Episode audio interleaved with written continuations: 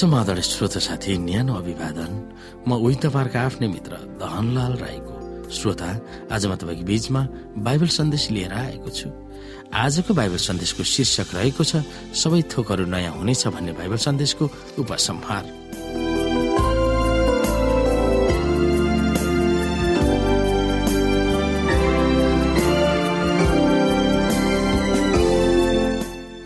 श्रोता साथी हामीले सबै थोक नयाँ हुनेछ भन्ने कुराहरू हेऱ्यौँ। बाइबलमा हामीले धेरै कुराहरू बाइबलका पदहरूद्वारा हामीले ती कुराहरूलाई चित्रण गर्यौँ मनमा राख्यौँ।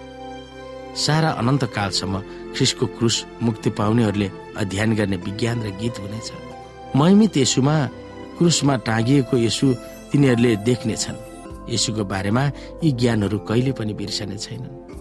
उहाँकै शक्तिले आकाश वा नक्षत्रहरू र पृथ्वी सृष्टि भएको थियो र व्यापक जगतको अनगिन्तीयौं पृथ्वीहरूलाई उहाँले नै सम्हाल्नु भएको थियो।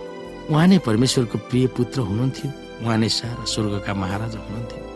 गरूप र चहकिलो शराब स्वर्गदूतहरूले उहाँको खुसी साथ आराधना गर्दथे। उहाँ नै पतित मानिसको निम्ति नम्र भएर निहुरनु भयो। उहाँले मानिसको दोष र पापको लज्जालाई बोक्नु भयो। उहाँको पिताको मुहारबाट उहाँ लुक्नु पतित संसारको दुःख कष्ट र पापले गर्दा उहाँको हृदय छिया छिया भएको थियो र कलवरीको क्रुसमा उहाँको जीवन बाँचिएको थियो। सारा संसारको सृष्टिकर्ता र सबै सृष्टिको भविष्यलाई हातमा लिनुभएको यसुले आफ्नो सम्मान महिमालाई पन्साएर आफूलाई होच्याउनु भयो। मानिसप्रति उहाँको त्यो प्रेमले सारा जगत ब्रह्माण्ड सदा सर्वदा छक्क पर्नेछ र उहाँको श्रद्धामा सबैजना झुक्नेछन्। उहाँले आफूलाई यति धेरै होच्याउनु भयो कि कुनै मानिसले आफूमा घमण्ड नगरोस् भन्ने शिक्षा उहाँले हामीलाई दिनुभयो। उहाँको होच्याइले मानिसहरू हामी केही पनि होइन रहेछौँ भन्ने कुरा बुझ्न सक्यो। र उहाँको प्रेमिलो भावले मानिसहरूलाई प्रेम सिकायो। यी कुराहरू हामीले बुझ्न सक्छौँ। परमेश्वर र शैतानको बीचमा भइरहेको महान विवादको अन्त्य भयो। पाप र पापीहरू अब रहेन। सारा जगत नै सफा भयो। अब सारा सृष्टिमा एउटै तालमेल र खुसियालीको धड्कन हुनेछ।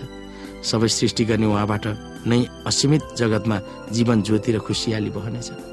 सूक्ष्म अणुदेखि संसारको अति विशाल पृथ्वी सबै थोकहरू चाहे जीव वा अजीव होस् अब तिनीहरूको छाया रहित सौन्दर्यता र सिद्ध आनन्दले यो घोषणा गर्नेछन् कि परमेश्वर प्रेम हुनुहुन्छ।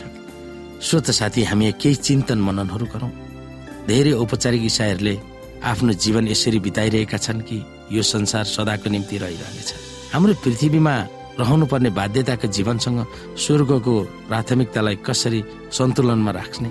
लुका बाह्रमा यसुले चेतावनी दिनुभएको अनुसार त्यसमा हामी नपर्न कसरी सुरक्षित हुने? आउनु श्रोता हामी हेरौँ केही आर्थिक कथा। उहाँले तिनीहरूलाई एउटा दृष्टान्त भन्नुभयो। कुनै एकजना धनी मानिसको जमिनमा प्रशस्त उब्जनी भयो। त्यसले मनमा नै गुन्न लाग्यो यो अन्न राख्ने ठाउँ मसित छैन। अब म के गरौँ? तब त्यसले भन्यो म यसो गर्नेछु। आफ्ना ढुकुटीहरू भत्काएर झन् ठुला ठुला बनाउनेछु। र मेरा सबै अनाजहरू माल सामानहरू म त्यही राख्नेछु। अनि म आफ्नो प्राणलाई भन्नेछु यो प्राण मैले वर्षसम्म पुग्ने प्रशस्त सम्पत्ति तेरो निम्ति थुप्रिएको छ। सुख चैनमा बस खा पी र मोज गर तर परमेश्वरले त्यसलाई भन्नुभयो ए मूर्ख आज राति नै तेरो प्राण तबाट लिइनेछ र जे कुरोहरू तैँले आफ्नो निम्ति थुपारेको छस् ती कसको हुने हो? आफ्नो निम्ति धन सम्पत्ति थुपार्ने तर परमेश्वरको दृष्टिमा धनी नहुने मान्छेको अवस्था यस्तै हुन्छ। यो भनेर लुका बाह्र अध्यायको सोह्रदेखि एक्काइसमा हामी पाउन सक्छौँ। यदि स्वर्ग यहीँबाट सुरु हुन्छ भने हाम्रो व्यक्तिगत जीवन र हाम्रा घरहरूलाई स्वर्गका नीतिहरूलाई अप्नाएर सानो स्वर्ग कसरी बनाउने? परमेश्वरलाई विश्वास नगर्नेहरूले अनन्त जीवनमा विश्वास नगर्दा तिनीहरूको जीवन निरर्थक भएको किन तर्कयुक्त देखिन्छ?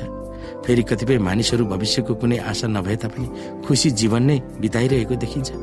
तिनीहरूले त्यो कसरी बिताइरहेका होला यस जीवनबाट अपार जीवनको वास्ता नगरे तापनि तिनीहरूले बिताइरहेको खुसियाली र आनन्द जीवनलाई हामीले कसरी मूल्याङ्कन गर्न सक्छौँ? त्यो विषयमा हामी सोच्न सक्छौँ। संसारमा मानिसहरूले विभिन्न किसिमले खुसीहरू खोजिरहेको छ खुसीहरू साटिरहेको छ तर त्यो खुसी केवल संसारको लागि मात्र रहनेछ जब परमेश्वरको महिमालाई हामी खोज्दैनौँ परमेश्वरको अनुग्रह हामी प्राप्त गर्दैनौँ तब हामीले पाएका खुसीहरू त्यो केवल क्षणिक मात्र हुनेछन्।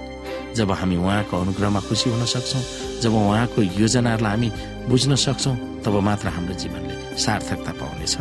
हामीले संसारमा धेरै धन सम्पत्तिहरूको पछि लागिरहेका छौँ थुपारिरहेका छौँ तर ती कुराहरूले हामीलाई अन्तमा स्वर्गसम्म लान सक्दैन।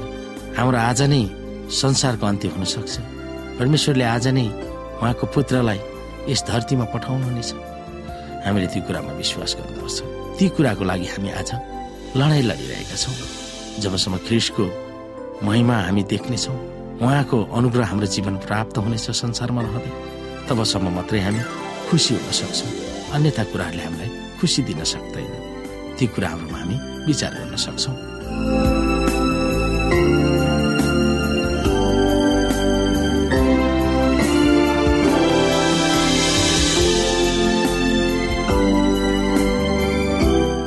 श्रोता साथी आजको लागि बाइबल सन्देश यति नै। हस्त नमस्ते जय मसिंह।